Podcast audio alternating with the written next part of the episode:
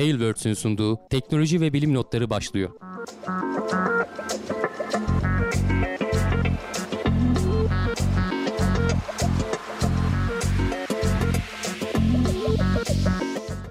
Teknoloji ve bilim notlarına hoş geldiniz. Ben Hamdi Kellecioğlu. Karşımda Volkan Ekmen, Ekmen yok şu anda.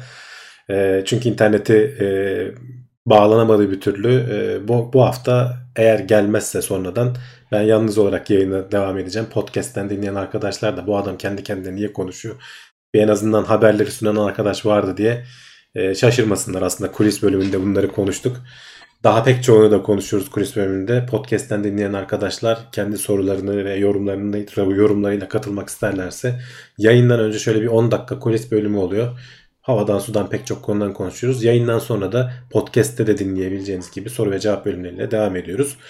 Ee, ne zamandır hatırlatmıyoruz. Kısaca bir hatırlatalım. Belki ilk defa izleyenler vardır. Tekno Seyre destek olmak istiyorsanız YouTube'dan abone olabilirsiniz. Ee, kanalımıza katılabilirsiniz. Twitch üzerinden Prime üyeliklerle destek olabilirsiniz. Ee, onun dışında tamamen yayınlara katılıp yorum atarak da e, bize destek olabilirsiniz. Bizim dışımızda bilimsel yayınlar yapan Türkiye'de bu alanda e, söz söyleyen pek çok güzel kanal var. İşte Evrim Ağacı var, Gelecek Bilim'de var. Onlara da destek olabilirsiniz. E, en azından bilim haberciliğini Türkiye'de bir şekilde ayakta tutmuş olursunuz. Bunları kısaca söyledikten sonra her isterseniz hızlıca şöyle haberlere geçelim. Ee, çok kısa Covid'den bahsedeceğiz gene. Gene bazı istatistikler var, bazı gelişmeler var. Ondan sonra gene uzay haberleriyle devam edeceğiz.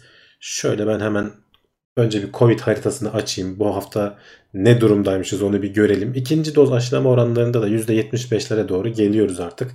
Baya baya aşılama oranlarında iyi gidiyoruz aslında. Ee, tabii bu hani aşılama oranlarında ilk doz, iki doz Sinovac olanlar vesaire falan da dahil. O yüzden biraz oran yüksek ama onlar çok önceden yapıldığı için ve gitgide aşılamanın e, ne denir sağladığı bağışıklık düştüğü için artık şey olmayabiliyor. E, onlar aslında bu %75'in içinde dahil olsa bile tekrar hatırlatma aşılarını olmadılarsa riskli durumda olabiliyorlar. E, aşılardan hani korkmayın diye artık 40 kere anlattık. E, tam da bununla ilgili aslında bayağı ayrıntılı bir araştırma yayınlandı bu hafta. mRNA aşılarına özellikle. Diğer hani bizim Sinovac ve e, bazı başka aşılar e, zayıflatılmış virüs kullanıyorlar. E, mRNA aşıları öyle değil. Yeni bir teknoloji olduğu için özellikle de onlar dikkat çekiyor. Herkesin onlar korku yandırıyor. Ama en e, iyi teknoloji daha doğrusu en iyi bağışıklık e, tepkisini uyandıran aşılarda bunlar olduğu hani şu son birkaç aydır net bir şekilde gö- gözlemlendi. 14 Aralık 2020'den beri Amerika'da 6.2 milyon kişi üzerinde e, mRNA aşısı yapılan kişiler bunlar. 6.2 ee, milyon tek doz, 5.7 e, milyon da toplamda 2 doz olan e, kişiler her hafta e, tekrar tekrar takip altına alınmışlar. Her hafta bunların sonuçları değerlendirilmiş. Aradıkları şey aşıların yan etkileri. 23 tane böyle temel şey belirlemişler. Ne denir? Yan etki belirlemişler. Hani bu yan etkiler de aslında hep konuştuğumuz şeyler işte kalp kası e, iltihaplanması ne bileyim işte başka ufak tefek pek çok e, yan etki var. İşte kardiyovasküler bazı problemler veya işte pıhtılaşma falan gibi. Hani hep tek, tek, tekrar tekrar onları anlatmak istemiyorum. E, bunların e, yan etkilerine e, bakmışlar ve 2 yıllık bir çalışma bu arada. Hani geçen Aralık ayında başlamış ama 2 yıl boyunca devam edecek. Sadece e, ön e, sonuçlarını, ara sonuçlarını yayınladılar e, bayağı ayrıntılı bir şekilde takip etmeye devam ediyorlar. Neredeyse hiç e, şey bulunmamış. E, ne denir? Aşıların herhangi bir yan etkisi gözle görülür istatistiklere yansıyabilecek bir yan etkisinden söz edilemiyor. Şurada rakamlar da var. Onlardan da hemen bahsedeceğim. Ee, özellikle bu işte kalp e, enflamasyonu ya da işte kalp iltihaplanması dediğimiz e, milyonlarca doz içinde sadece 34 vakada gözlemlenmiş. Bu da bunlar da 12 ile 39 yaş arası. Ee, sadece 34 vakada gözlemlenmiş ve bu hani başta belirledikleri bir şey var. Eşik oranı var. Bu eşik oranının üstüne çıkmadığı için herhangi bir geri bildirimde bulunmasını gerektirmiyor. E, 6.2 milyon kişi içinde 34 vaka dediğimiz gibi hani çok az bir oran. Ee, ve şeyi de uyarıyorlar uzmanlar. Hani Covid-19 olanların e, aynı işte bu kalp iltihaplanması geçirme ihtimali çok çok daha fazla olduğu için hani aşılardan dolayı bundan dolayı ürküp aşı olmamak son derece saçma görünüyor. Ee, gene aynı şekilde e, alerjik olma ihtimalinden bahsediliyordu. Hatta o yüzden mesela alerjik bir bünyeye sahipseniz işte mRNA aşısı olmayın, COVID-19 e, pardon e, koronavak aşısı gibi böyle pasif virüs aşılarından olun diye tavsiyelerde bulunuyordu. E, 55 kişide e, alerjik reaksiyon gözlemlenmiş. Bu 55 kişide de e, ilk yarım saat içerisinde alerjik reaksiyon çıkıyorsa çıkıyor. E, ondan sonra tekrar ondan sonra gözlemlenebilen ciddi alerjik tabii ki hani ufak basit alerjik reaksiyonlardan bahsetmiyorum. Hani kolunuzun üzerinde küçük bir şişlik olur falan. O da bir çeşit alerji aslında ama bizim burada hani burada uzmanların söylediği ciddi alerjik reaksiyon. Gene 6 küsür milyon kişi içerisinde sadece 55 kişide gözlemlenmiş ve bunlar dediğim gibi ilk yarım saat içerisinde ortaya çıkan semptomlar. Zaten burada da aşıları olduktan sonra size diyorlar ki yarım saat hastanenin civarında dolaşın ayrılmayın bir yere ki hani olası bir böyle yan etki olduğunda hemen müdahale edilebilsin ve bu alerjinin etkenleri ortadan kaldırabilsin. Bu şeyler devam ediyor bu arada. Dediğim gibi e, takip etmeye devam ediyorlar. İstatistikler muhtemelen yayınlanacaktır. Belki hatta ara ara e, bunları güncellemeye devam edeceklerdir. Biz de takipçisi olmaya devam edeceğiz. Şöyle unuttuğum bir şey var mı ona da bakayım. Eee bir yandan konuşurken yorumlara da bakıyorum da göz ucuyla. O esnada kaçırdığım şöyle ilgi çekici istatistik var mı şeyde hatırlamaya çalışıyorum ama yok. Yani genel olarak ana fikrini söylemek gerekirse e, araştırma üstüne araştırma yayınlanıyor. Her biri milyonlarca doz aldı artık hani vurulan doz da milyarları geçti. E, gözle görülür bir şey olsaydı zaten insanlar çoktan bunu ortalığa dökerlerdi. Ee, Mehmet Gökhan Günaydın demiş ki Kozmik Anaforu e, da iyi bir kanal demiş. Evet onu da unuttum az önce sayılanlar arasında. Ee, Bebar Bilim var. O da hiç fena değil. YouTube kanalında takip etmenizi tavsiye ederim. Şu an aklıma gelenlerden. Ee, onu da baştaki duyurumuza ek yapmış olalım böylece. Ee, Emrullah Ertürk demiş ki sırf alerjik reaksiyon olursa diye hastanede oldum aşı. Ya evet yani hani aler çok az kök küçük bir ihtimal ama sonuçta olduğu zaman e, tehlikeli sonuçları olabileceğini bildiği için insanlar eğer bünyeniz o şekildeyse bir hastanede tercih edebilirsiniz. Gerekirse yarım saat durun hatta daha da rahat garanti olsun diye bir saat bekleyin orada. Sonrasında yolunuza devam edin. Eğer herhangi bir şey çıkmıyorsa çıktığında o arada çıkıyor. Bu arada o kalp kapa 39 e, kişi mi demiştik? Kalp kası e, iltihaplanması ya da kalp iltihaplanması görülen 39 kişide de o da ilk bir hafta içinde çıkanlar. Ondan sonra hiç e, bir daha böyle bir durum gözlemlenmiyor. Orada da yani belli bir süre var. Aşıyı olduktan sonra hani bazen diyorlar ya böyle 10 ee, yıl sonra ne olacağı belli değil. İşte öyle değil. Yani bir aşıyla ilgili bir yan etki çıktığı zaman zaten alerjik vesaire falansa ilk yarım saat bir saat içinde çıkıyor. Onun dışında başka bir olası yan etkisi varsa onlar da hani bir hafta e, bilemediğiniz iki hafta içerisinde kendini belli ediyor. Ondan sonra zaten vücutta o aşının size vurulan o mRNA zaten mililitre seviyesinde hani vurulan şeyin vücutta parçası bile kalmıyor. Vücut onu tamamen e, özümseyip yok ediyor. Ee, devam edelim şöyle haberlerimizle. Şu yorumlara bir bakayım kısaca. Aşıyı güncelliyorlar demişler. Evet yani e, virüsün değişmesine ihtimaline bağlı olarak yeni hani şeyler çıktıkça aşının da e, güncellenmesi e, söz konusu ama henüz daha buna gerek olduğu söylenmiyor. Özellikle bu delta varyantından korkuluyordu. Acaba delta varyantına karşı etkili olamayabilir mi falan diye konuşuluyordu. E, orada şey yapılıyor. Yani onun da şu anda sorun olmadı ama gelecek seneye doğru ben başka varyantlar çıkarsa ve aşı, aşıdan kaçma yöntemini bulan varyantlar çıkarsa o zaman belki bir güncelleme gerekebilir.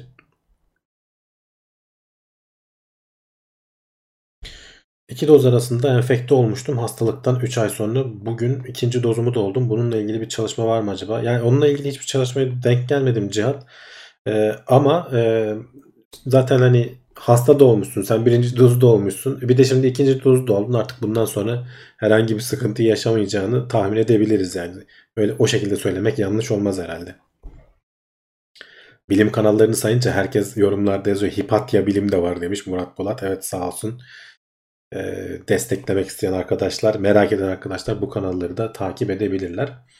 Bu arada bu hafta içerisinde olan e, gelişmelerden biri de Pfizer 12 ee, yaş ve üstüne 12-16 yaş arasına e, işte erken kullanım izniyle kullanılıyordu. 16 yaş üstüne zaten normal e, kullanım izni alınmıştı.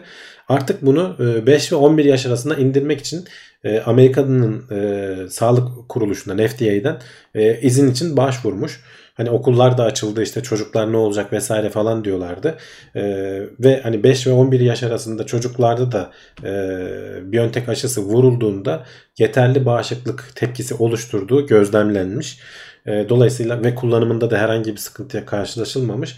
Dolayısıyla hani FDA'ya başvurmuşlar. FDA şimdi özel bir kurulun hani hem FDA'in kendinden de farklı, BioNTech'ten de farklı ayrı bir kurulun raporunu bekliyor. O kurulun raporuna göre son kararı verecekler. Ama tam bununla e, doğrudan ilişkili değil ama hani bağlantılı bir haber. Bu hafta denk geldim.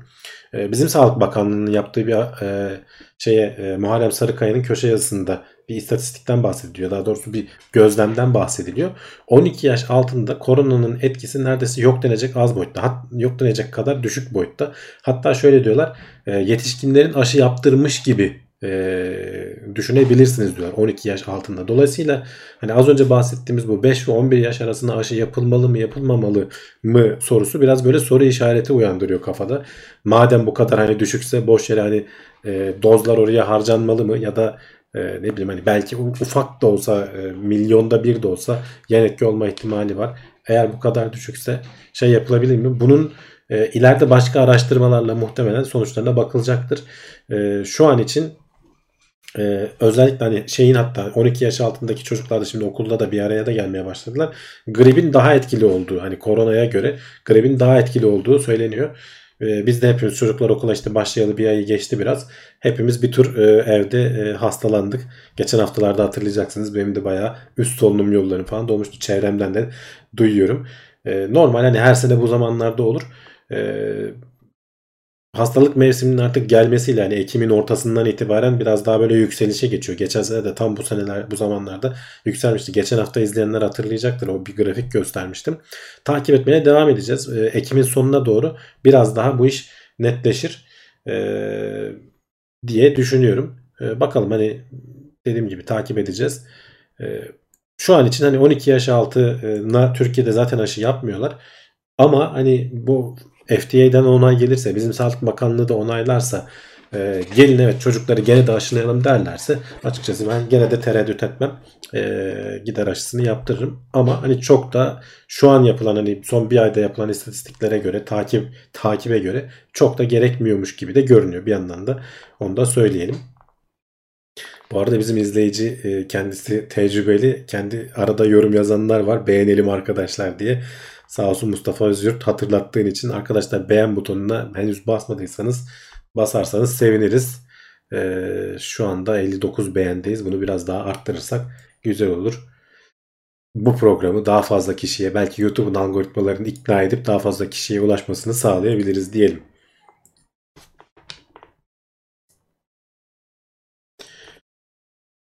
Şöyle bakıyorum. Mert gelmiş. Aa, erken başlamış demiş. Erken başlamadık. Mert 3 haftadır neredeyse 21.30'da başlıyoruz. Sen demek ki o kadar her hafta sıkı takip etmiyorsun bizi. Evet korona haberleri bu kadar. Dediğim gibi çok kısa olacak zaten. Ee, şimdi e, uzay haberlerine geçiyoruz. Bu arada bir tane spoiler vereyim uzay haberlerine geçmeden önce. En son haberde konuşacağız. İlginç bir TED videosuna denk geldim. O arada o habere kadar düşünün kafanızda. E, orada yorumlarınızı alırım. E, ilginç bir TED videosuna denk geldim. Orada şöyle bir düşünce egzersizinden bahsediyordu. Uzun dönemli e, düşünme e, gibi. Düşünme egzersizi gibi. 100 yılda bir çıkan bir gazeteniz olsaydı e, manşetine ne yazardınız diyor adam. E, bunu bir düşünün bakalım. E, en sonda son haberimiz olarak onu konuşuruz. 100 yılda bir çıkan bir gazetemiz olsaydı ilk sayfadan en tepeden neyi duyururdunuz? Son 100 yılda sizce insanlık en önemli yaptığı şey ne? Bütün insanlara çıkardığınız bir gazete olduğunu düşünürseniz. Uzay haberlerine geçelim. Ee, şimdiden yazmayın arkadaşlar. Bir yandan yorumları takip edemiyorum. En son hani düşünün. En son size so- sorduğumda o habere geçtiğimizde neler e, diyeceksiniz dediğimde o, o zaman yazarsınız. O zaman konuşuruz üzerinde. Oradan da zaten kulis bölümüne geçiş yaparız. Uzay haberlerine geçiyorum. Dediğim gibi e, SpaceX gene bu haftada gündemimizde e, Crew Dragon yani insanlı e, Dragon taşıyan kapsüllerine iki tane daha eklemeyi düşünüyormuş. Böylece filosunu dörde çıkaracak. Şu anda iki tane aktif e, her biri galiba ikişer kere kullanıldı. E, şeyi var. E, Crew Dragon'u var. E, geçen haftalarda hatırlayacaksınız e, uzayda 3 gün geçiren bir ekip tamamen ilk ticari e, özel turist göreviydi diyebiliriz. E, içinde hiç astronot bulunmayan. Onun da dahil olduğu e, iki tane daha ekleyecekmiş. Bir tanesi yeni eklenenlerden bir tanesi hatta bu ayın sonunda galiba 30 Ekim'de e, ISS'e gidecek. Bir taneyi de seneye ekleyecekler. Böylece e, SpaceX e, filosunu genişletiyor diyebiliriz. Çünkü zaten şimdiden e, NASA'nın işte e, yer ayırttığı uçuşlar. Axiom Space diye bir firma var. Gelecek sene için 4 tane uçuş yer ayırtmış. Onun dışında başka bir iki tane daha özel firma var. Hani SpaceX aslında şeyi doldurdu. E, ne denir? Kapasitesini doldurdu. İki taneyle zaten başa çıkamazlardı. Çünkü bunlar bir kere uzaya gidip geldikten sonra tekrar kullanmaya uygunlar ama tekrar bir kontrolden geçiyorlar. Bazı parçaları tamamen yenileniyor falan. Ee, bir, bir ne denir refurbishment deniyor ya ona bir yenileme sürecinden geçiyorlar. Dolayısıyla e, iki taneyle bu yükü kaldıramayacaklarını bildikleri için iki tane daha e, filolarına ekliyorlar. Bu arada hani onu ayrıca haber olarak almadım ama hani bununla bağlantılı olarak söylenebilir. Ara ara Boeing'den bahsediyoruz. Gene gecikti, gene ertelendi vesaire diye. NASA'nın Boeing için, e, Boeing'in kapsülü için, Starliner kapsülü için atadığı astronotlar vardı. Burada da sanki şey gibi e, hava yollarından bilenler vardır e, pilotların e, bir özellik şeyi vardır. Özellik, özelleştikleri uçaklar vardır. İşte Boeing'e e, özelleşenlerle Airbus'a özelleşenler birbirinden ayrıdır. Onun eğitimlerini alman gerekir. Tip eğitimleri ödeniyor galiba yanlış bilmiyorsam. Burada da ona benzer bir durum var. E, çünkü sonuçta o kapsülün bütün ayrıntılarını öğrenmen lazım ki her ne kadar hani bu Crew Dragon'lar bayağı otonom gidiyor olsa da zor durumda, acil durumda senin kontrol edebiliyor olman lazım. Aynı şey Starliner için de geçerli. Ee, NASA Starliner için ayırdığı astronotları da SpaceX'in kapsülüne kaydırdı. Ee, çünkü yoksa astronotlar ne zaman gideceği belli olmayacaktı uzaya. E, tabii gene hani Starliner kendini kanıtlarsa ve işte Boeing'in e, kapsülü de düzgün çalışmaya başlarsa yeni astronotlar e, o şeye o görevlere e, belirlenecektir, verilecektir diyelim. İnşallah o da olur yani hani sonuçta gecikmeler vesaireler falan oldu ama SpaceX baya baya arayı açıyor hani görüldüğü üzere bu uzay yarışında. E, her hafta böyle hani SpaceX'i övüyormuş gibi oluyoruz ama e, haberlerde o yönde geliyor. Yani yapacak bir şey yok. E, Starship'in uzun zamandır şeyini bekliyoruz, fırlatmasını bekliyoruz. Onda da e, artık e, soğuk ne denir e, basınç testlerine başladılar. E, basınç testlerinden sonra işte ufak bir iki ateşleme testi yapılıyor. Ondan sonra artık fırlatma testine geçiyorlar. Henüz daha o e, birinci aşamayı tutacak kollar vesaire falan da daha tam yerine takılmadı ama herhalde gene 1-2 ay daha süresi var gibi Starship'i merakla bekliyoruz. E, asıl o zaman uzun uzun konuşuruz. Gene geçen haftanın e, ve aslında bu haftanın da e, ilginç olacak başlıklarından biri de e, Blue Origin'den geldi. E, şöyle paylaşayım. Kaptan Kirk, Star Trek'ten tanıdığımız e, Kaptan Kirk, e, William Shatner e, ya da gerçek ismiyle uzaya gidecek. E, hatta yarın gidecek eğer bir gecikme veya işte hava şartlarından dolayı bir sıkıntı yaşanmazsa. Blue Origin biliyorsunuz geçen aylarda Jeff Bezos ve yanında işte 3 kişi daha gitti. Onlar içerisinde Wally Funk vardı galiba. En yaşlı kişi ünvanını almıştı. 82 yaşındaydı. Şimdi William Shatner 90 yaşındaymış. O e, rekoru kırmış olacak. Uzaya giden e, en yaşlı insan olacak. E, bu arada hani fotoğrafta da görüyorsunuz adam 90 yaşında ama bence çok daha genç gösteriyor. Yani hani şöyle baksan 50'lerinde 60'larında dersin e, William abimiz e, hiç yıllara yenilmemiş diyelim. Tabii 1960'larda e, Kaptan Kirk rolüyle işte Star Trek'te oynuyor. Star Trek oyuncuları arasında bu arada şey değil. ilk uzaya giden değil.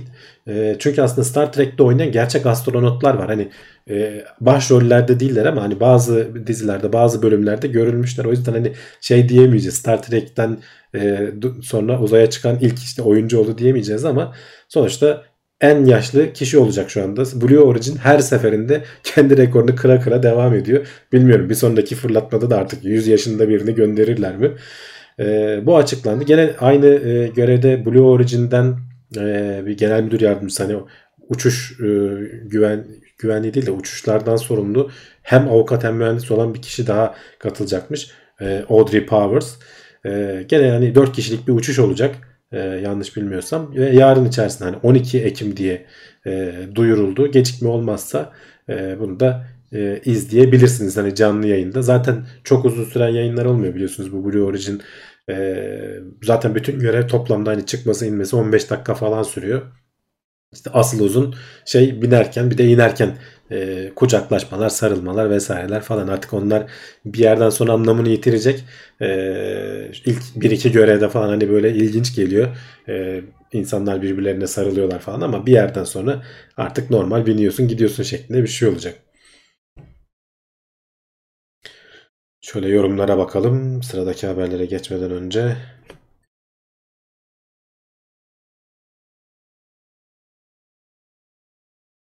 Erhan M demiş ki bu adam uzaylı olmalı nasıl 90 yaşında? Valla evet yani şekline baktığın zaman abimizin hakikaten hiç 90 yaşında demezsin.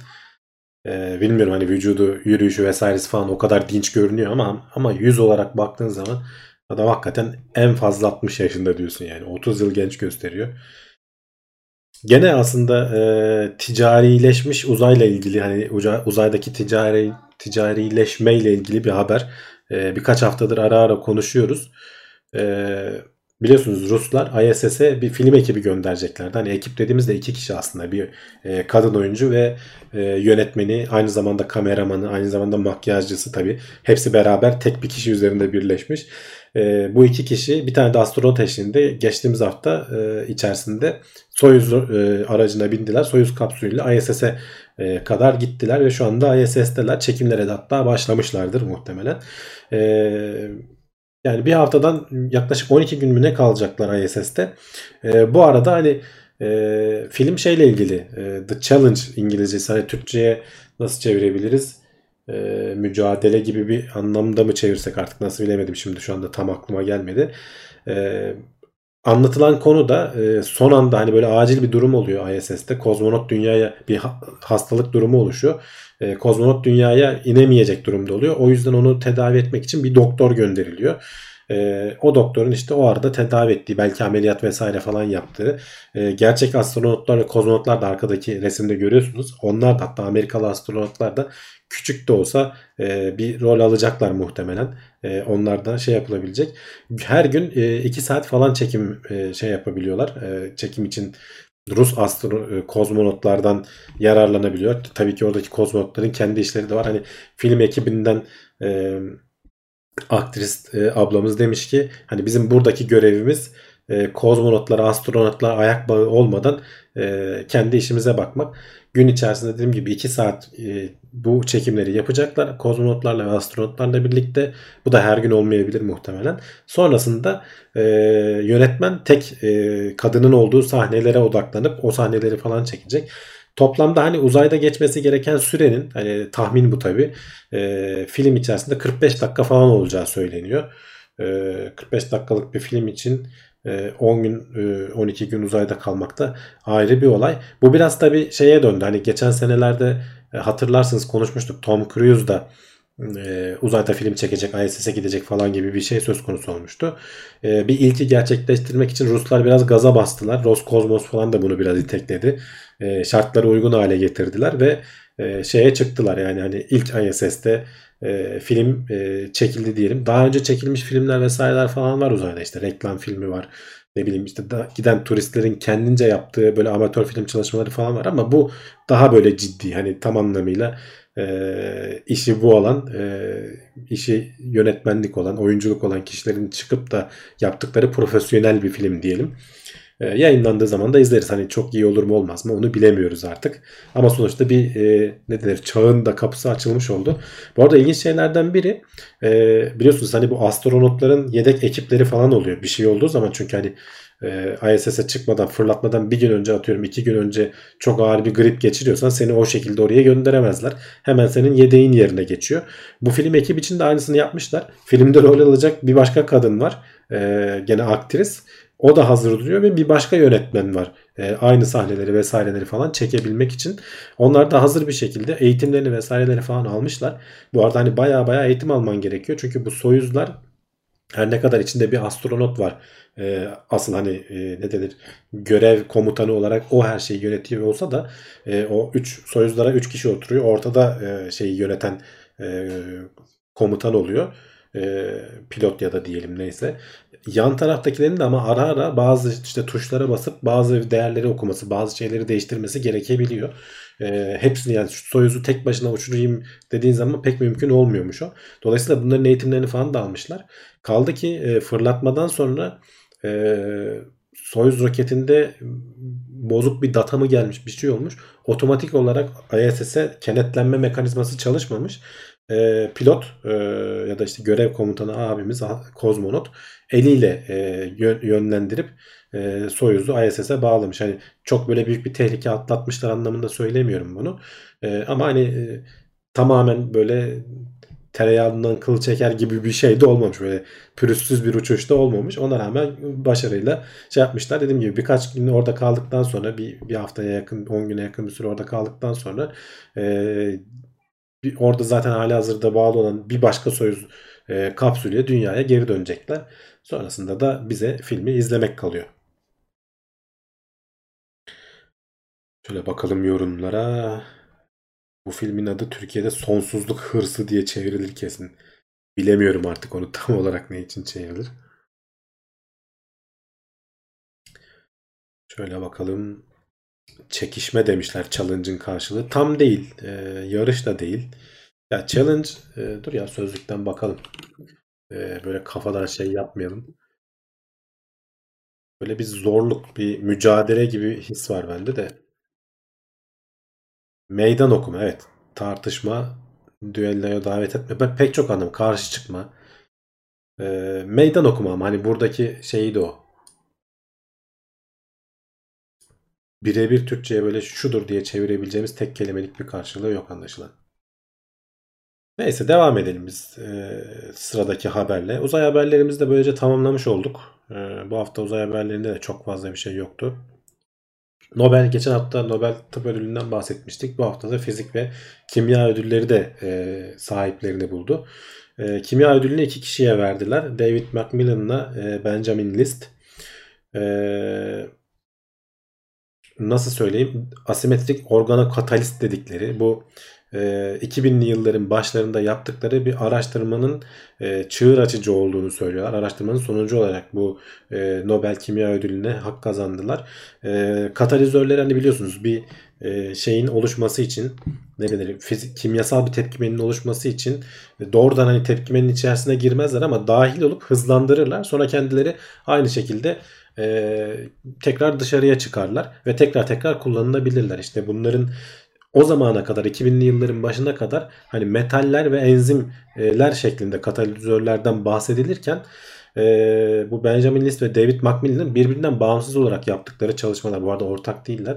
E, bir arada değiller ama birbirlerinden bağımsız olarak bu alana verdikleri katkılarla organokatalist dedikleri e, e, bir yeni ne denir katalizör çeşidi buluyorlar ve bu kimyasal tepkimeleri özellikle de ilaç endüstrisinde ki kimyasal tepkimeleri bazı şeyleri yapabilmeyi çok kolaylaştırıyor ve dedik dediğim gibi kendi alanlarında çığır açıcı gelişmelere neden oldukları için e, yaklaşık bir 20 yıl sonra e, hala hayattayken ödül almaya hak kazanmış oldular. Biliyorsunuz bu Nobel ödülleri sadece hayatta olan kişilere veriliyor. Dolayısıyla bazen çok iyi şeyler de yapmış olsanız e, mesela Stephen Hawking'in durumundaki gibi çok doğru bir şeyler yapmış olsanız bile öldüğünüz için hak kazanamayabiliyorsunuz. E, 20 yıl o yüzden e, nispeten iyi bir süre. Çünkü birazdan bahsedeceğim fizik ödülünde e, ta 1960'larda yaptıkları araştırmalardan e, fizik ödülünü almışlar. E, Syokoro Manabe, Klaus Hasselmann bu ikisi e, ödülün yarısını paylaşıyorlar. Giorgio e, Paris'i ödülün diğer yarısını paylaşıyor. 3 kişiye dağıtıldı e, bu hafta fizik ödülü.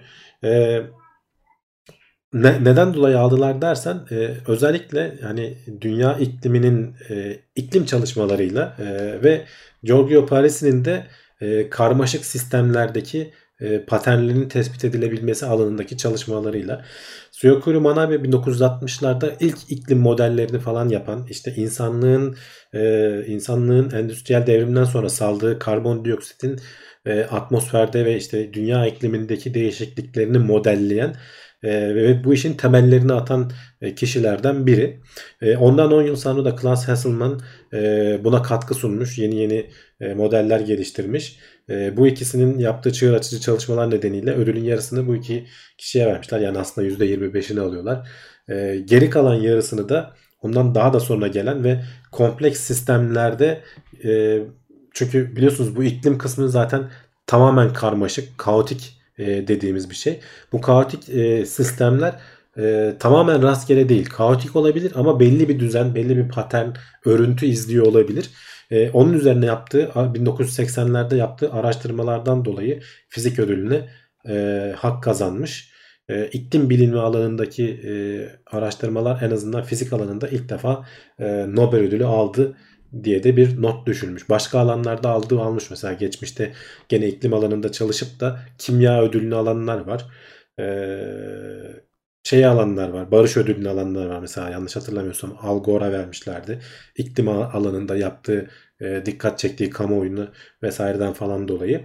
E, bu da gene iklim alanındaki çalışmalar ve işte kaos e, ve karmaşıklık alanındaki çalışmalarla e, 2021 fizik ödülünü e, almış oldu bu üç kişi.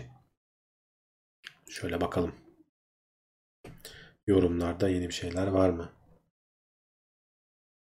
Murat demiş ki Hamdi karşısında Volkan varmış gibi anlatıyor. Tam o kadar olmasa da evet onun gibi oluyor. Biraz daha Volkan bayağı rahatlatıyordu yorumlara vesairelere falan bakarak. Arada en azından bir miktar dinlenmeme izin vermiş oluyordu.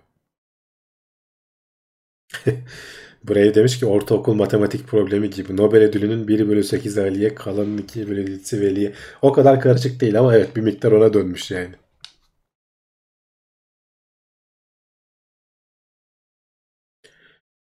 Ee, şöyle sıradaki haberle devam edelim. Yapay zeka ile ilgili bir haber var. Aslında bunu geçmişte birkaç kere daha konuştuk ama bu hafta denk gelince gene üzerinde bir konuşalım dedim. Özellikle tıp alanında yapay zeka her tarafta e, hayatımızı etkiliyor ama tıp alanında e, çok ciddi e, vakaların önüne geçebilecek e, doktorların bir anlık dikkatinden kaçabilecek veya daha e, sonuç vermediği için göremedikleri e, semptomlardan önce tahminlerde bulunabilecekler. E, burada özellikle şeyden bahsetmiş. E, sepsis dediğimiz bu kanın zehirlenmesi aslında hani bakterilerin aşırı çoğalıp e, kan zehirlenmesi hastanelerdeki ölümlerin e, üçte biri bundan kaynaklanıyor diyorlar. Amerika için verilen bir istatistik bu. E, ve hani çok ciddi bir şey. Son ana kadar da ne denir? Genelde de yani te- tespit edemediğin durumda da e, semptom verene kadar fark etmezsin. Antibiyotiği doğru zamanda kullanmaya başlamazsan geri dönüşü olmayabiliyor. Ama e, sonuçta sen hastadan bir sürü e, örnek alıyorsun vesaire falan. Biliyorsunuz geçmişte de hatta konuştuğumuzu ben hatırlıyorum. Google, Google falan bu alanda bazı sistemler geliştirmeye çalışıyordu. İşte e, bu koma komadaki hastalar mesela ne zaman uyanma ihtimalleri var mı yok mu? Ya da ne bileyim bir kişinin e, hayat değerlerini sürekli takip edip bu kişi e, ölme ihtimali var mı? Yani önümüzdeki bilmem kaç e, saat içerisinde veya gün içerisinde bunları hesaplamaya çalışan aslında bir nevi hani yapay zeka diyoruz ama e, big data'nın bir versiyonu. Burada da büyük elde edilen bir sürü ölçülmüş. Sonuçta bunların hepsi hastanelerdeki bir sürü vakadan alınan datalardan elde edilmiş e, derin öğrenme ağları veya işte machine learning ağları diyelim. E, bunlar öğrendikleri şeyleri e, gerçek zamanlı olarak bir, bir kere modelleri eğitip oluşturduktan sonra gerçek zamanlı olarak sen yeni dataları verdiğinde e, bir kişinin işte kan zehirlenmesi yaşayıp yaşamayacağı, işte komaya girip girmeyeceği veya girdiyse ne zaman çıkacağı ya da başka türlü organ yetmezliğine girip girmeyeceği falan gibi şeyleri e, pek çok kandaki küçük biyomarkerlara vesairelere bakıp ya da işte kalp ritmine bakıp e, senin alabileceğin ne kadar çok data verirsen o kadar iyi aslında. E, doktorlara çok ciddi yardımı olacağı söyleniyor bunun. E, yani böylece gözden kaçırma ihtimalleri kalmamış olacak. Nasıl şu anda hani doktorlar bir işte e, buralara elektrotları bağlayıp senin kalp atışlarını görüyor. E, o sürekli böyle bir kağıda yazıyor, geliyor, bakıyor o kağıtta senin ritmine vesaire falan. Bu da onun bir versiyonu. Seni sürekli takip edecek ve doktora yönlendirmelerde bulunabilecek bir şey. E, tabii ki hani bu alanda e, zorluklar yok mu derseniz var. En büyük zorluk da aslında dataya ulaşmak. E, çünkü bu işte ilaç verileri vesaireler işte hasta, hastalık verileri çok kişisel olduğu için e, hastaneler vesaire e, bu alanda çok e, titiz davranabiliyorlar. Bu bu tarz böyle çözümler geliştiren firmaların önünü açmakta biraz daha yavaş davranıyor olabilirler. E, bu şu an için en zor olduğu, e, en büyük sıkıntı olduğu söyleniyor. Yoksa bir kere data olduktan sonra aslında onu nasıl eğiteceğimizi, oradan nasıl bir anlam çıkaracağımızı baya baya öğrendik son zamanlarda. Yapay zeka veya işte bu e, machine learning dediğimiz makine öğrenimi e, ağları bize nasıl işte internette hangi reklamın sana çıkacağını hesaplarken işe yarıyorsa vücudunun değerlerine bakarak e, ne sonuçla karşılaşabileceğini de e, çok daha iyi bir şekilde hesaplayıp söyleyebiliyor. Şöyle bakalım. Tesla'nın Silikon Vadisi'nin ayrılmasına yönelik haberler vardı. Gündeminizde var mı? Benim haberim yok hiç görmedim. Ee, Brave de başka bir şey sormuş. İsrailler çölde Mars yaşamı simülasyonu yapacakmış. Birkaç ay sürecekmiş. Bu da haber listemizde yok. Bunu da görmedim. Gelecek hafta hani böyle denk gelirsem ve gerçekten ilgi çekici bir şeylerden bahsediyorlarsa üzerinde konuşuruz. Ee, biz devam edelim. Ee, insanlık olarak hani çevreyi kirletiyoruz, iklimi bozuyoruz vesaire falan diyoruz. Ee, Birleşmiş Milletler de habire rapor yayınlıyor. Hani aslında hani Sağır Sultan bile duydu denir ya. E, çoktan o noktalara geldik geçtik ama bir türlü önlem alamıyoruz. Bu raporda da söylenen şu ara ara hani birkaç haftadır ben de söylüyorum hani bu su krizi e, ciddi problem olacak bizim ülkemizin başına da diye. E, Birleşmiş Milletler diyor ki 2050 yılına kadar 5, 5 milyar kişi 2050'li yıllarda 5 milyar kişi e, temiz suya erişimde sıkıntı yaşayacak. Yani zaten dünya nüfusunun yarısından ee, belki biraz az olmuş olacak 2050 yıllarda ne kadar olur bilmiyorum. 10 milyarı herhalde geçer. Ee, 10 milyar seviyelerine yaklaşır. Ee, yani insan nüfusunun yarısı e, kadarı neredeyse temiz suya ulaşmakta sorun yaşayacak. Ki zaten şimdiden aslında bu noktaya geldik. 2018 yılında şurada öyle bir istatistik de var. 3.6 milyar kişi yılda bir ay boyunca e, suya ulaşmakta sorun yaşıyor. Hani e, bu bazen bazen bizim ülkemizde de oluyor kuraklık vesaire falan olduğu zaman ama özellikle bu Afrika kıtasında vesaire falan e, bu konuda sıkıntı yaşıyor. Bakın şöyle bir harita var hatta. Burada global e, küresel e, stres noktaları e, diye bazı yerleri işaretlemişler. E, bu işaretlenen yerler içerisinde görüyorsunuz Türkiye'de e, bütün aslında Akdeniz havzası yani zaten Akdeniz'in tamamı ve bizim doğumuz ve güneyimiz her tarafımız aslında neredeyse bu e, iklim e, su konusunda yaşanacak sıkıntılardan e, payını ciddi bir şekilde alacak gibi görünüyor. E, bir yandan hani suya temiz suya erişim bir sorun ama bir yandan da e, özellikle Asya ülkelerinde bizde de işte bu sene görülmeye başlandı. Su nedeniyle yaşanan afetlerde de bir artış gözlemleniyor. E, burada hatta onunla ilgili istatistikler de vardı. Şöyle ona bakayım bir. 2000 yılında yaşanan hani suyla ilgili olan afetlere göre %134 son 20 yıl içerisinde artış gözlemlenmiş. Yani bir yandan hem aşırı yağış bir anda geliyor e, e, önünde neyi var neyi yoksa yıkıp yok ediyor. Bir yandan da onlar denize karışıp tuzlu su vesaire haline geldikten sonra tatlı su kaynağı bırakmadığı için sana e, yavaş, yağışlar yavaş ve mutedil bir şekilde hani düzenli bir şekilde olmadığı için ee, ve olanları da sen çok hızlı tükettiğin için tatlı su bulmakta zorluk çekiyorsun. Yani iki taraftan da tokadı yiyoruz böyle bir durumda. Ki bunun da etkilerini dediğim gibi şimdiden görmeye başladık. Ee, bir yandan kuraklığın da etkisi artıyor. Yani iklimi bozdukça çünkü hani hem şey, sıcaklar aşırı sıcak oluyor, soğuklar da aşırı soğuk oluyor. Ee, iki taraflı çalışıyor bu şey süreç. Burada hmm, ne söyleyecektim tam şey söyleyecektim habere bakayım derken unuttum. Ee, heh, şeyi söylüyor. E, atmosferdeki e, nem miktarı sıcaklıktan dolayı çok arttı. %7 oranında arttığı söyleniyor. Bu da atmosferdeki nem arttığı için bir kere havanın ağırlığı da artmış oluyor. Dolayısıyla işte bu e, yaşanan şeyler taşınan malzemenin miktarı arttığı için bütün sistemler bundan etkileniyor. Yağmur yağdığı zaman aşırı yağıyor. İşte e, Amerika'da fırtına vurduğu zaman eskisine göre kat kat daha fazla vuruyor. Taşınan malzeme daha çok olduğu için rüzgarın esmesiyle hatırlarsanız Mars'taki rüzgarlar 100 kilometre ile esiyor ama hiçbir etkisi olmuyor. Bir meltem gibi geliyor diyorduk. Çünkü taşınan bir madde yok. E, bu madde ne kadar artarsa e, o şeyin 100 kilometreyle hani bir araba çarpmışa dönebilirsin. Hani öyle düşünün yani. Sonuçta taşınan şey 1 ton olursa e, araba çarpıyor sana 100 kilometreyle. İşte hava olursa ne kadar hafif de olsa onun ağırlığı arttıkça seni belki yerinden fırlayıp götürüyor. E, uçurabiliyor yani veya evini yıkıyor. E, bu tarz şeyler yaşanma ihtimali artıyor. Hani Birleşmiş Milletler bu konuda sürekli uyarıyor, raporlar yayınlıyor, pek çok bilim insanı da uyarıyor ama henüz daha e, dişe dokunur, elle tutulur e, bir şey e, ne denir? E, devletlerin aldığı bir önlemden söz etmemiz mümkün değil. İleri tarihli hani şeyler veriyorlar işte Çin 2060 yılına kadar karbon emisyonunu sıfıra indireceğini falan taahhüt ediyor ama hani bununla ilgili şimdiden bir önlem alıyor mu derseniz ortada bir şey yok.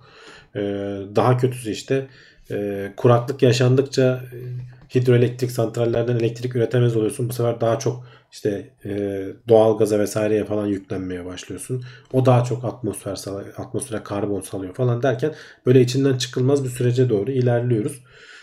E, biraz aslında şeyle de bağlantılı. En sonda konuşacağımız bu insanlıkla ilgili e, 100 yılda yaşadığımız büyük değişimle ilgili bir haber den bahsetmiştim girişte düşünün demiştim. Onunla da bağlantılı. Ona doğru da geliyoruz bu arada. Ha, cevaplarınızı hazır edin. Sondan bir önceki haber deyiz şu anda. Ee, hemen ona başlayalım. Yapılan bir araştırmaya göre e, kekeleyen insanların onları dinleyen veya izleyen herhangi biri olmadığı zaman normal konuştukları e, gözlemlenmiş.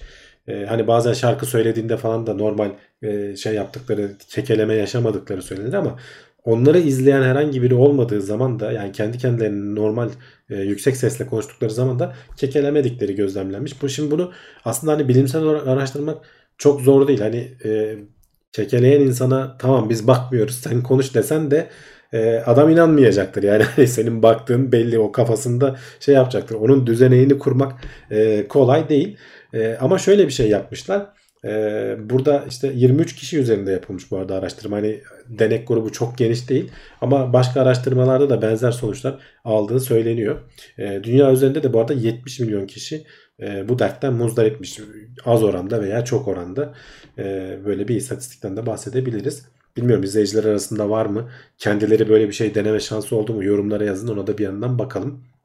Konuşurken takılmalar yaşayan, kekelemeler yaşayan insanlar acaba gerçekten kimse izlemediği zaman e, takılmadan konuşabiliyorlar mı? Deney düzeninden bahsediyordum. Nasıl bir şey kurmuşlar? Bir başka şeyi e, inceliyoruz gibi e, bir düzenek kuruyorlar.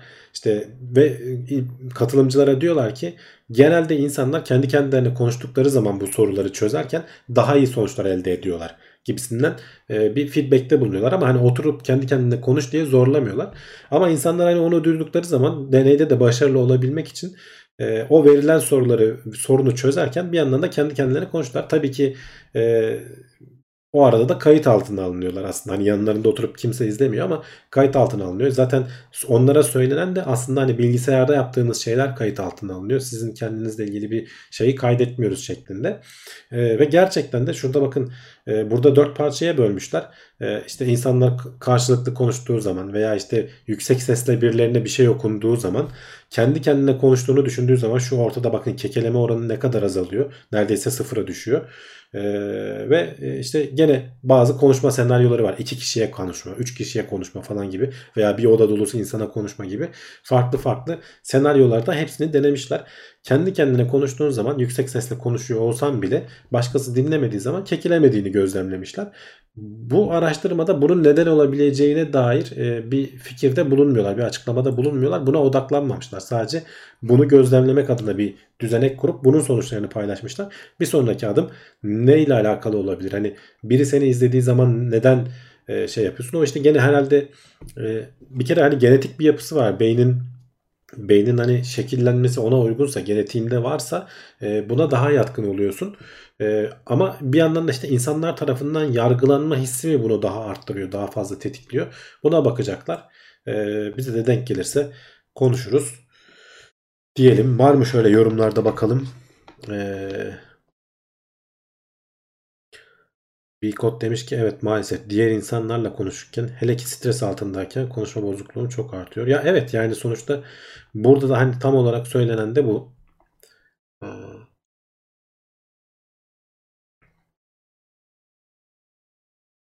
okuma yaparken bende de aynısı oluyor. Birileri izlerken kekelemeye başlıyorum. Belki yani yöntemleri vardır böyle insanların izlemesine karşı e, stres yaşamayınızı seviyesini azaltarak belki bunları hani normal kendi kendinize yaparken e, kekelememe seviyenize kadar indirebiliyorsunuzdur. Muhtemelen bunun teknikleri vardır. E, haberde vesaire de bundan bahsedilmemiş ama şöyle bakalım yorumlarda neler var. Yazarken de yanlış yazıyorum demiş. O, o başka bir alan. Beynin başka bir alanı. Artık e, stresten dolayı herhalde artık. Çünkü konuşmayla, kekelemeyle e, yazar yazma arasında aslında doğrudan bir bağlantı yok bildiğim kadarıyla.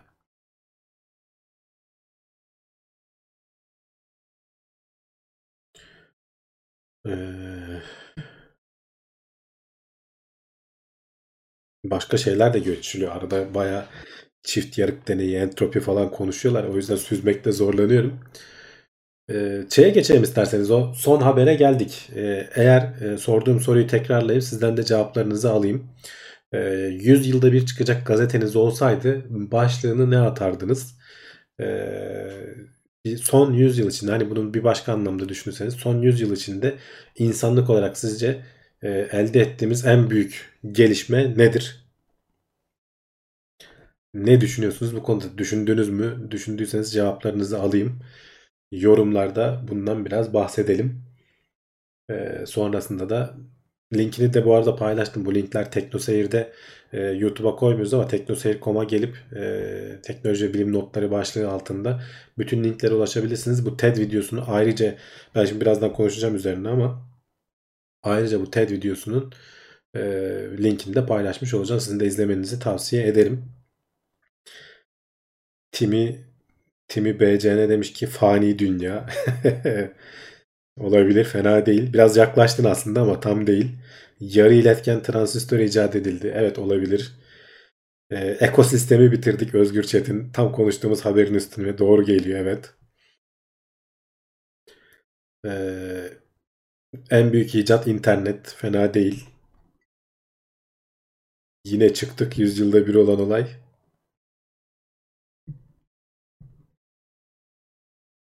Sanayi devriminin sona erip bilişim devriminin eli olması.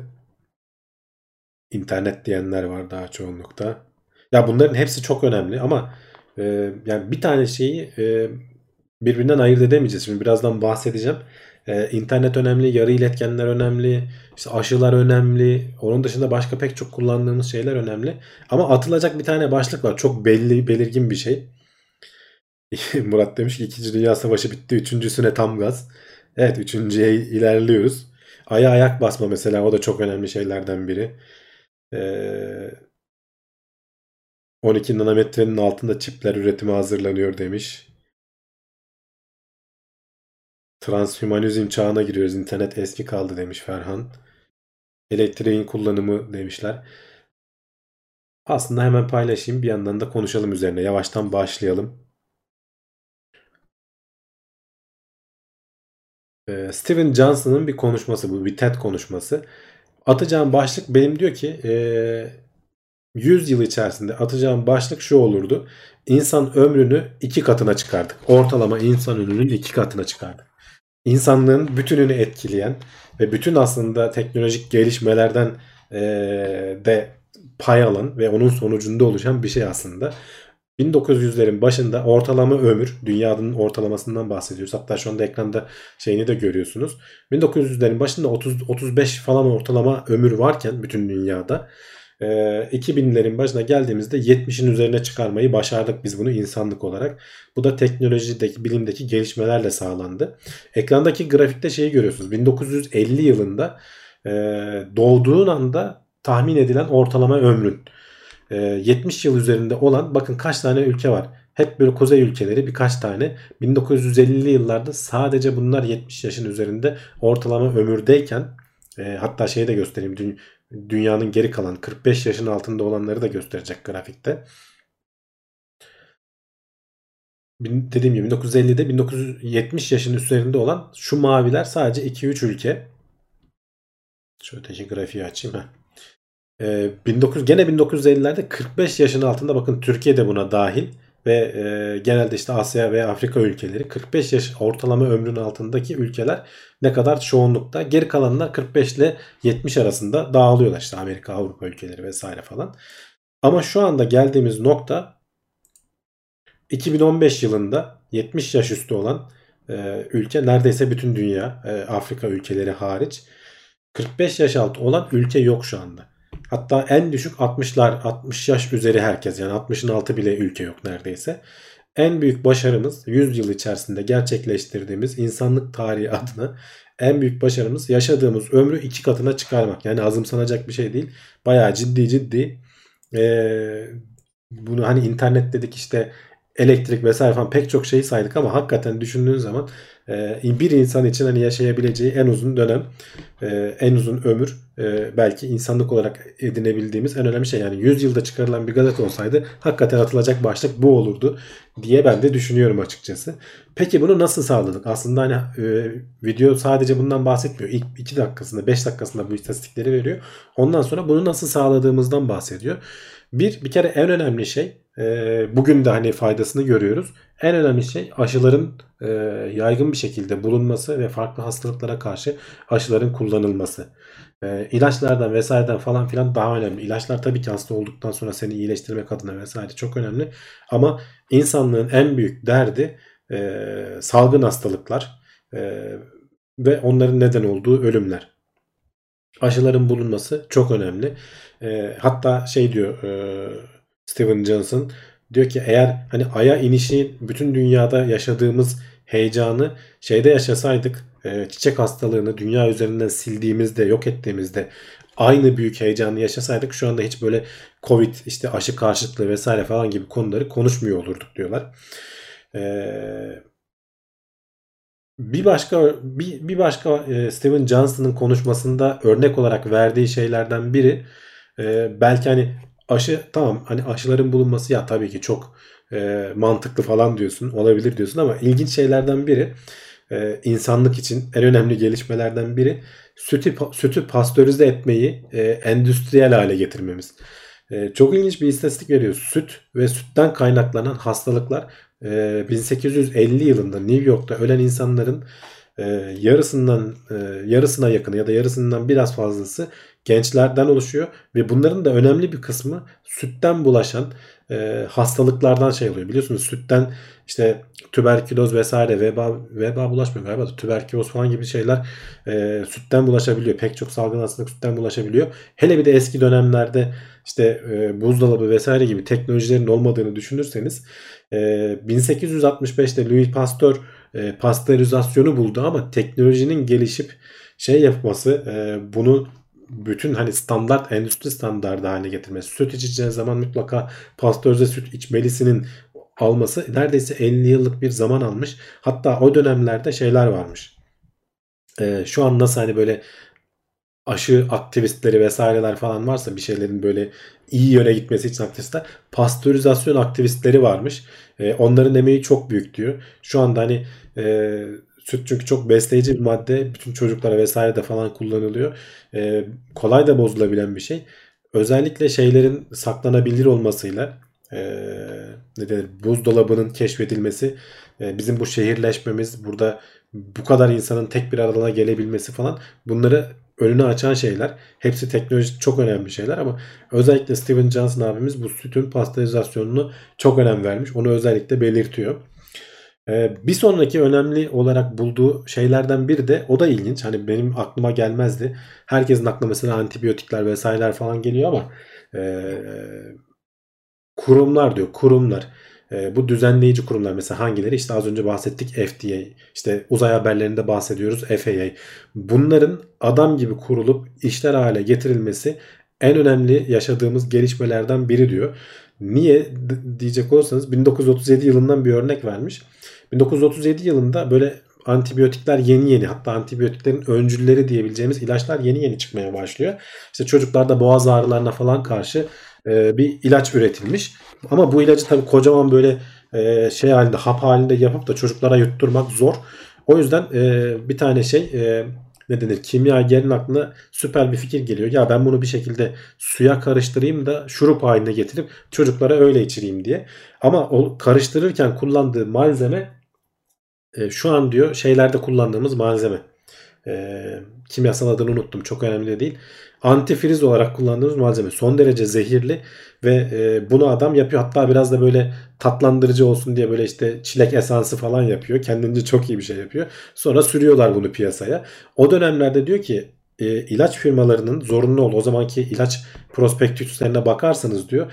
ilaç firmalarının tek yapmaları gereken piyasaya bir ürün sürmeden önce tek yapmaları gereken şey e, ilacın içinde ne olduğunu tam olarak yazmak. Yani insanları yanıltma e, ama insanlığın sağlığına zararlı mı değil mi kontrol etme gibi bir şeyin yok. Bu ilaç da ortaya e, piyasaya sürüldükten sonra pek çok çocuğun ölümüne neden olmuş. Ondan sonra işte FDA ondan sonra şey zorunluluğunu getirmeye başlamış.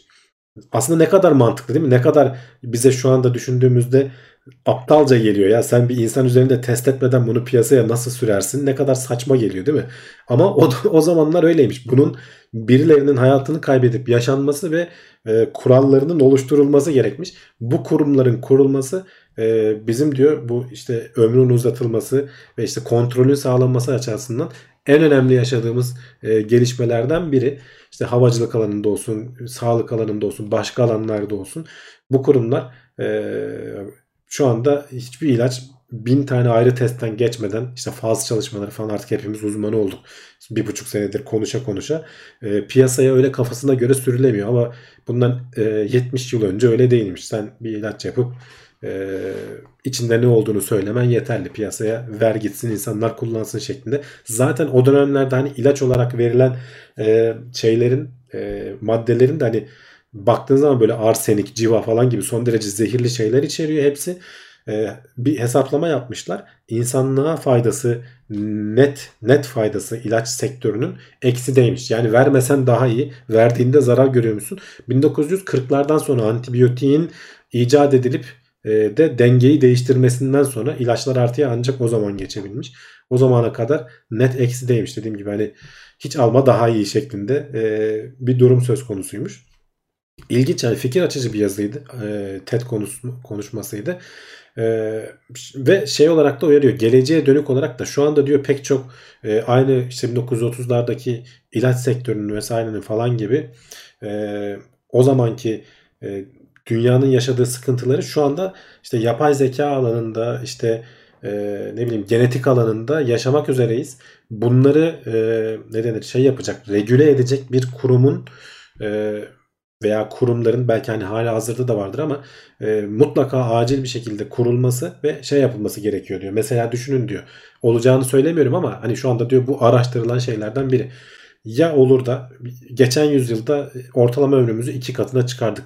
Bu yüzyılda da ya sonsuz yaşamayı bulursak ya da iki katına daha çıkarırsak. Hani ortalama ömrümüz 70'ten 150'ye çıkarsa ne olacak?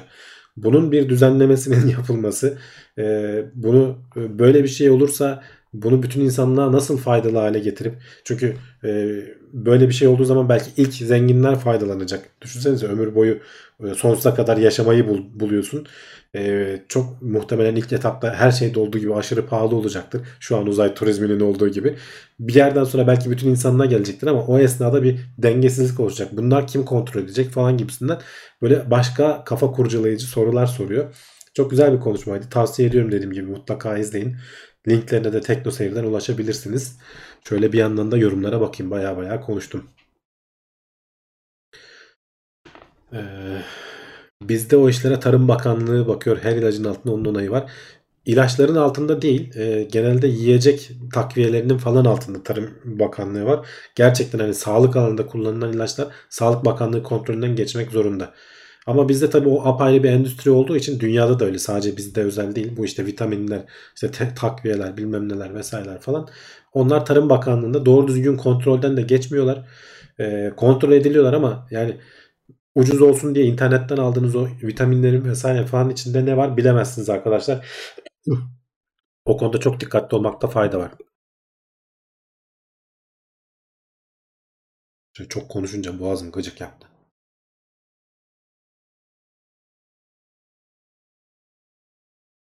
Cevdet bilsem gelirdim tüh şimdi gördüm demiş. Yapacak bir şey yok Cevdet. Hani acil durum nöbetçi sunucu diye çağırmak istemedim seni de. Ayıp olur öyle de. Volkan yok sen gel diye.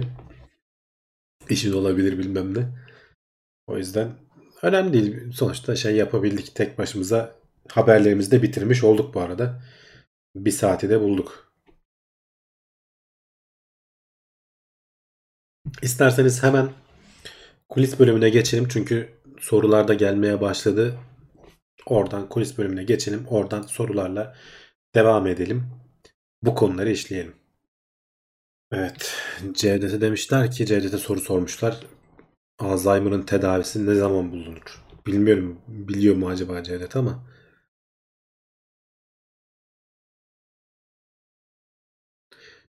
Ta Cevdet hatta cevap vermiş. Daha çok var ama yakındır demiş. Çok güzel araştırmalar yapılıyor demiş.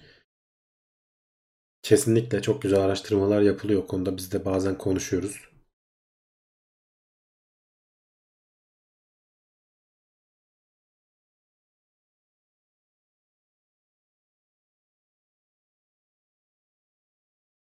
Emrullah Ertürk ilginç bir soru sormuş. Psikolojik limit var mı diye düşünüyorum demiş. Var diye düşünüyorum demiş insan ömrü için. Ya olabilir evet hani sonuçta bir yerden sonra her şeyi yaptıktan sonra ya yeter artık daha neyi göreceğiz e, noktasına gelebilir insan. Herhalde psikolojik limit odur. E, ama belli de olmaz. Yani bu hayatta kalma arzusu belki hepimiz için değil ama bazılarımızın hani o kadar temellere inen bir şey ki evrimde sana avantaj sağlaması için belki hani her ne olursa olsun gene de hayatta kalmak istiyor olabilirsin. Çünkü biz bunu hani 100 yıl gibi bir zamanda değiştireceğiz, bozacağız. Evrim milyarlarca yıl içinde olmuş. Sen 100 yıl içinde bunu bozacaksın. Ona uyum sağlayamayacak. Hala seni hayatta tutmaya çalışacak kafa.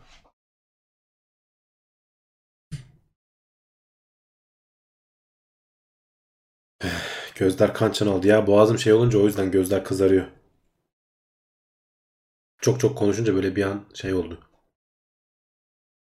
Kafa transplantasyonu geliyor demiş Timi. Ya zannetmiyorum o biraz zor ya. O kadar çok e, şey var ki şu omurilikten geçen küçük sinir var ki onları denk getirmek e, birileri üzerinde çalışıyordur eminim ama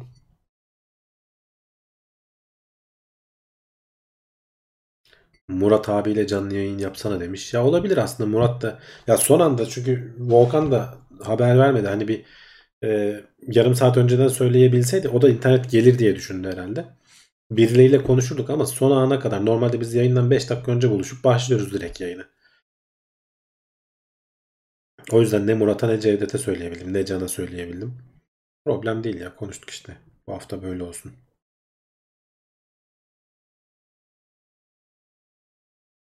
3 sene sonra güneş patlayınca bütün dijital datalar silinecekmiş diyorlar. Bankalara borçlar da silinecek mi milletin demiş Kibar Konan. Öyle bir şey olacağını ben zannetmiyorum. Hani güneşin güneşi patlayıp dünyayı siler sence borçlar silinir. Yoksa kolay kolay borçlar silinmez.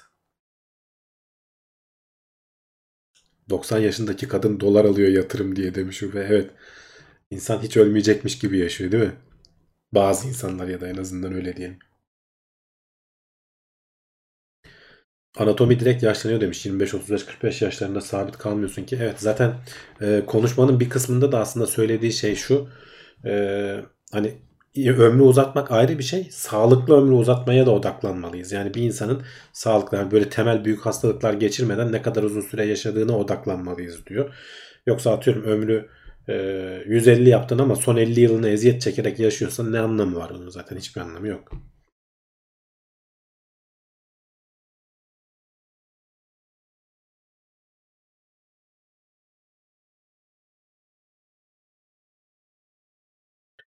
Deniz Kemal Yılmaz demiş ki bir bilim kurgu hayranı olarak bu tür haberlere pek şaşırmıyorum.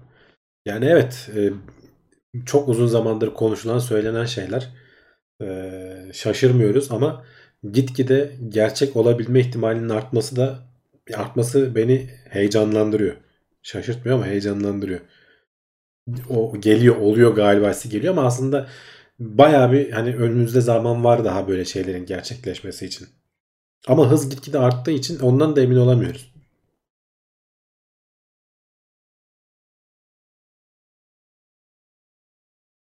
Ortalama ömrün iki katına çıkması konusu yanıltıcı çocuk ölümlerinden anıldırılmış halinde çok bir değişiklik yok demiş insan ömründe. Ee, doğru söylüyorsun. Ya haber şeyde konuşmada ona da değiniyor ama sonuçta doğduğun anda e, yani burada bahsettiğimiz sayılar doğduğun anda ne kadar yaşayacağının e, şeyini söylüyor. Orada 1800'lü yıllarda bir Londra'da yapılmış bir uzmanın çizdiği grafik de var. E, çocukları arındırdığın zaman iyi de çocuklar yarı söylüyor. Yani arındırdığın zaman evet yani o 5 yaşından sonra oran artıyor ama şöyle bir şey var. O adamın çizdiği bir grafik var. Videoyu izlerseniz onu görürsünüz. Orada da söylediği şey şu 45 yaşına geldiğinizde 45 yaşına geldiğinizde e, insanların yarısı ölüyor. O grafikte de adam 1800'lü yıllarda tam tarihini hatırlamıyorum 1830'da galiba.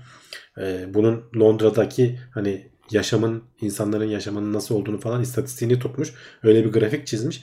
E, hatta orada videoda şey yaptırtıyor. 45 yaşından büyük kimler var diye 50 kaldırtıyor insanların. Bu diyor bunların yarısı burada olmayacaktı diyor. Dolayısıyla çok da yanıltıcı değil. Sonuçta hani doğuyorsun. E, e, ölüyorsan hani 6 aylıkken de ölüyorsan ölüyorsun sonuçta. Ortalama ömrün daha içindesin. Doğduğun anda yaşayabileceğin ömürden bahsediliyor burada.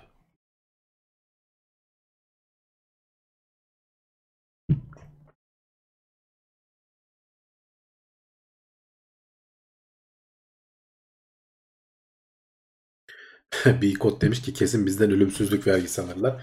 Ya ölümsüzlük vergisi almalarına gerek yok. Zaten yaşadığın sürece vergi ödediğin için e, en güzel şey. Bu arada az önceki e, iki önceki haberde bu yapay zekada insanların hayatını kurtarmak için yardımcı olacak haberinde e, söylenen şeylerden biri vardı. Onu da aklıma şimdi geldi onu söyleyeyim. E, diyor ki hastanelerin en zorluklardan biri hani dedim ki dataya ulaşmak. Bir başka zorluk da hastanelerin ne denir itekleyici gücü insanları iyileştirmekten ziyade tedaviyi uzatmak gibi bir şey. Yani oradan para kazanıyorlar. Ee, insanları iyileştirip göndermektense daha çok prosedür yapalım gibi bir orada bir çarpık bir düzen kurulu diyor. Bunun düzeltilmesi pek çok şeyi aslında kolaylaştıracaktır. Ama ona da bir hani kolay bir çözüm de bulamıyorum, düşünemiyorum açıkçası. Şu anda hani hastaneler nereden para kazanıyor? Özellikle de özel hastaneler. Ne kadar çok sana şey yaparlarsa, test yaparlarsa, prosedür uygularlarsa adamların geliri o kadar artıyor. Ama amaç seni iyileştirmekten ufak ufak çıkmaya başlıyor ticarileştiği için biraz orada.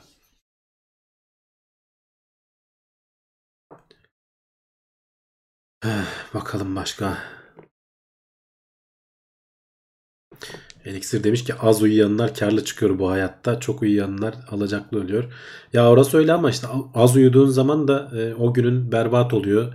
E, kanser riskin artıyor vesaire hastalıklara karşı bağışıklığın düşüyor falan derken başka bir sürü yan etkisi var.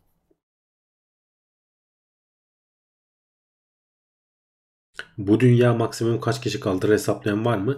Maksimum kaç kişi kaldırırdan ziyade o insanların nasıl yaşadığı önemli. Yani şimdi Amerika e, eğer bütün dünya mesela Amerika gibi tüketseydi diyorlar 7 katı 7 tane dünya olması gerekirdi gibi bir istatistik hatırlıyorum ben zamanında. E, sayılardan tam emin olamayabilirim ama yani sonuçta dünyanın bir kısmı aşırı tüketiyor, bir kısmı onların yanına bile yanaşamıyor. Yiyecek yemek bulamıyor. Yani belki hani 15 milyar olsa da dünya kaldırır ama tüketimini makul seviyede tutabilirsen kaldırabilir.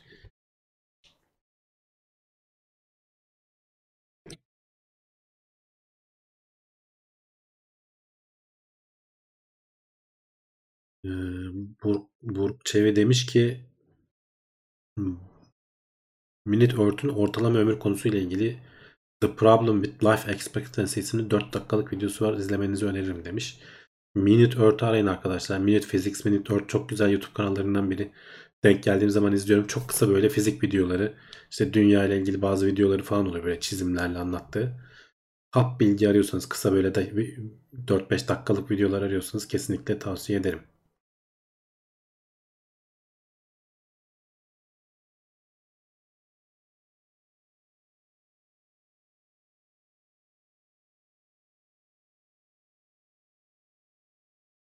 Dur bir nefes al su iç falan demişler. İyiyim ya şu anda fena değilim.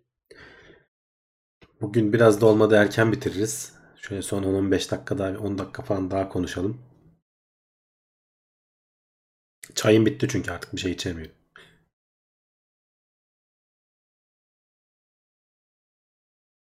Şimdiden vergi dilimlerini şey gelir vergisi gibi olacak. Yaş arttıkça vergi dilimin artacak 15, 20, 27 diye. Olabilir. Neden olmasın ileride?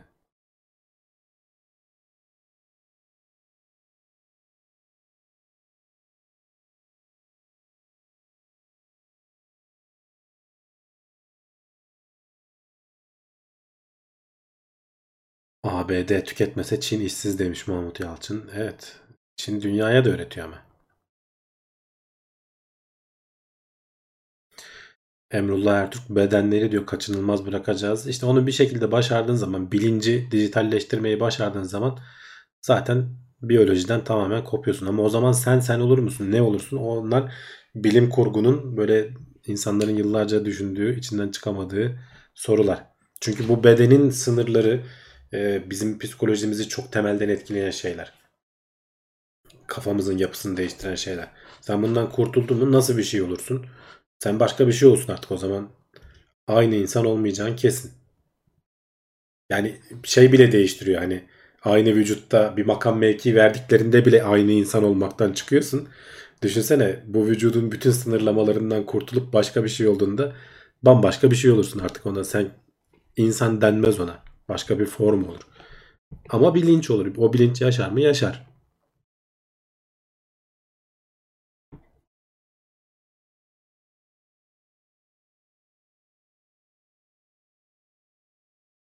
Houston çay bitti demiş ki var konu. Aynen. bir sorunumuz var Houston. Çay bitti. Dünyaya şu ana kadar en çok zarar veren tür insan mı? Kesinlikle. Kesinlikle. Çünkü diğer türlerin bizim kadar zarar verme kapasiteleri yok. Hani yetenekleri olsa, kafaları olsa onlar da zarar verir aslında. Hani ama e, yok çünkü şeyle sınırlılar. E, kapasiteleri o kadar. Hani hayvan en fazla giriyor e, avcı bir tür diyelim. Oradaki bütün diğer hayvanları yiyor. Tek bir türün yok olmasına neden oluyor. Sonra kendi de ölüyor. Sonra dünya gene dengesini buluyor zaten. Transhümanizm demiş Cevdet Acarsoy. Evet tam olarak bahsettiğimiz şey bu. Ee, bu arada hani insanlık veya dünyanın kendisine e, ekolojiye zarar veren dünyanın kendi süreçleri. En büyük zararı veren onlar aslında. Hani dünya geçmişte 5 kere ya da 6 kere galiba 5 kere diye yanlış hatırlamıyorsam büyük yok oluşlardan geçmiş. Canlılığın neredeyse %90'ı falan dünya yüzeyinden silinmiş. Ama ona rağmen yeni bir koldan tekrar hani hayatta kalanlar yeniden üremeye başlayıp tekrar dallanıp budaklanmışlar falan. Aslında işte ne bileyim birinde meteor çarpmış, birinde volkan etkisi olmuş, birinde oksijen üretebilen, fotosentez yapabilen canlılar çıkmış. Atmosferi bir değiştirmişler. Eski atmosfere uyumlu bütün canlılar ölmüş falan. Yani zaten dünya kendi kendine bütün şeyi temizleyip duruyor arada bir. Biz insanlık olarak bunu daha kısa bir sürede e, yapıyoruz. Kendi kendimizi yargılayabilecek kapasitede olduğumuz için de biraz kendimizi yargılıyoruz aslında.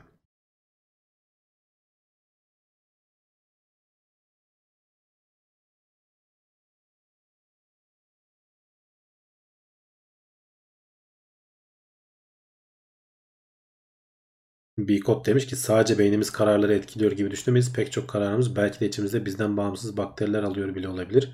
Bunlar olmazsa aynı kişi olmayız. Evet hani haberlerde hep konuşuyoruz ya e, bu aralar bağırsaklara iç organlara taktık diye. E, düşünce karar alma mekanizmalarını etkiliyor. Beynimizin yapılarını etkiliyor. Alzheimer'la bir gün bağlantısı bulunuyor. Bir gün başka bir şeyle bağlantısı bulunuyor. Yani biz bütün olarak bir vücut olarak her şeyiyle birlikte bir şeyiz. Bundan sen sadece bilinci ayırdığın zaman e, o sınırlamalara tabi olmayacağı için artık o başka bir şey olacak.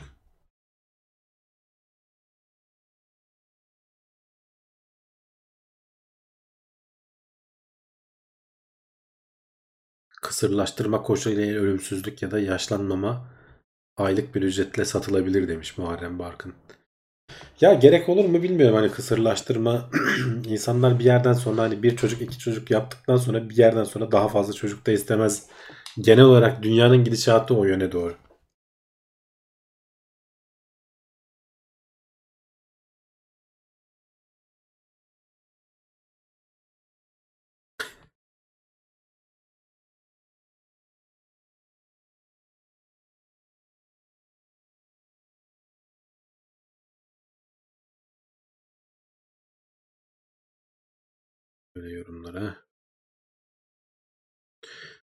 Sigma Epsilon demiş ki geleceğe dair hiç iyimser değilim. Kaynaklar hızla tükeniyor ve transhümanizm milyarlarca insan için ikinci bir şans sunması çok zor demiş. Ya ben o kadar kötümser değilim. İnsanlık hani bunu geçen haftalarda da konuştuğumuzu hatırlıyorum. Ee, yani insanlık evet hani önünde büyük sorunları görüyor ama onları çözmek için de her zaman hani yumurta kapıya geldiği zaman bir çözüm üretiyor. Bir yerden bir şey buluyoruz. Yani mesela 2000'li yıl Al Gore'un kendi işte bu çevre kirliliği vesaire falan işte yenilenebilir e, şeylerle ilgili e, enerji üretimiyle ilgili bir TED konuşmasını dinlemiştim. 2000'li yılların başında durumumuz çok kötü, işler acısı, acil deyip e, bu, bu işin bayraktarlığını yapan kişi 2015 yılında yaptığı konuşmada şey diyordu. Hiç görmediğim kadar hani güneş enerjisinin veriminin katlanarak artan hiçbirimizin tahmin edemediği miktarda bu teknoloji gelişiyor. Artık daha da ekonomik olduğunu da hatta işte şu an arada haberlerini yapıyoruz. Bazı ülkeler e, bir gün boyunca veya işte bir, hafta boyunca bütün enerjisini güneşten üretebiliyor. Hiç e, termo, termoelektrik santral çalıştırmıyor vesaire falan. E, bu noktaya gidiyoruz. Hani artık bir 10 yıl sonra belki bambaşka bir yerde olacağız. Dolayısıyla belki yani çok kötü bir yere gelip oradan geri dönmeye başlayacağız. Yani e, insanlık olarak çok da işin sarpa sardırmadan teknoloji oraya geldiği için, oraya ulaştığı için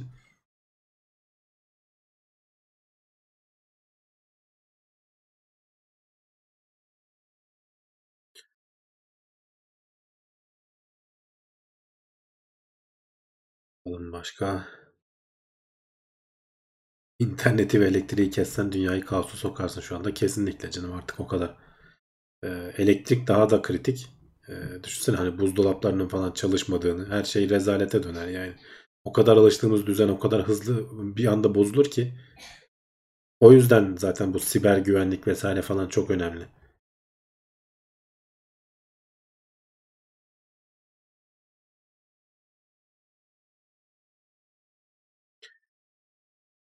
Ray Kurzweil dayıya güveniyorum demiş. 2045'te Singularity diyordu. Ray Kurzweil e, Google'ın e, fütürologlarından biri. Google'ın tutup para verdiği danışmanlarından biri ki kendi patentleri bilmem neleri vesaireleri falan da var.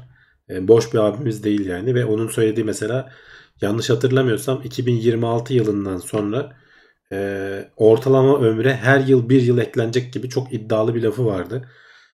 Dolayısıyla hani teoride var ölümsüzlüğü yakalamış oluyorsun. Her yıl bir yıl eklendiği zaman ortalama ömre. E, ve yani tarihi de 2026 koyuyordu adam.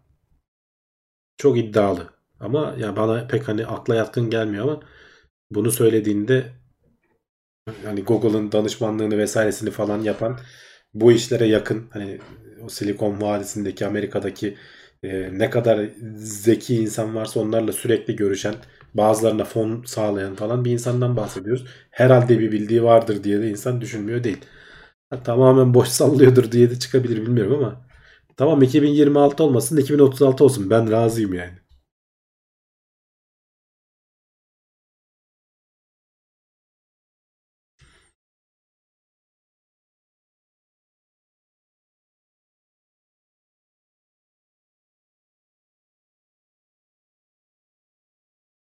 Başka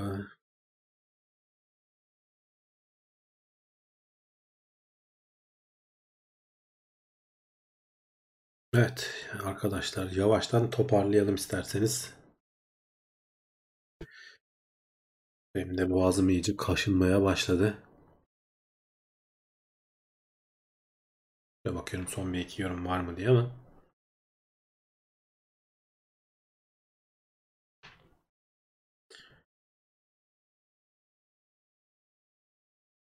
Ray Kurzweil e, bak UB demiş ki 1995'te tuşsuz telefonun öngörüsünü yapmış. 89'da internetin yaygınlığının öngörüsünü yapmış falan diyor. Hiç boş adam değil diyor. Yani evet bana da öyle geliyor ama bir yandan da hani bahsettiğimiz e, ölümsüzlük yani hani boru değil. E, bilmiyorum 2026'dan sonra ne kadar gerçekleşir. Singularity dediğimiz yapay zekanın hani e, insan zekasına ulaşması için de 2040'ların sonunu söylüyordu galiba yanlış hatırlamıyorsam. O da çok büyük bir gelişme. E, onu başka uzmanlar da söylüyor. Sadece Ray Kurzweil değil. Ölmez de kalırsak şu Covid'i Movid'i bir şekilde atlatabilirsek kazasız belasız başınız olun arkadaşlar bakın 2026'ya şurada az kaldı. Daha aya ineceğiz falan. Yapacak iş çok yani gidilecek oralarda gezilecek falan. Kendinize dikkat edin diyelim. Bu haftayı da böylece kapatmış olalım. Haftaya inşallah iki kişi olarak görüşmek üzere. Kendinize iyi bakın. Hoşçakalın.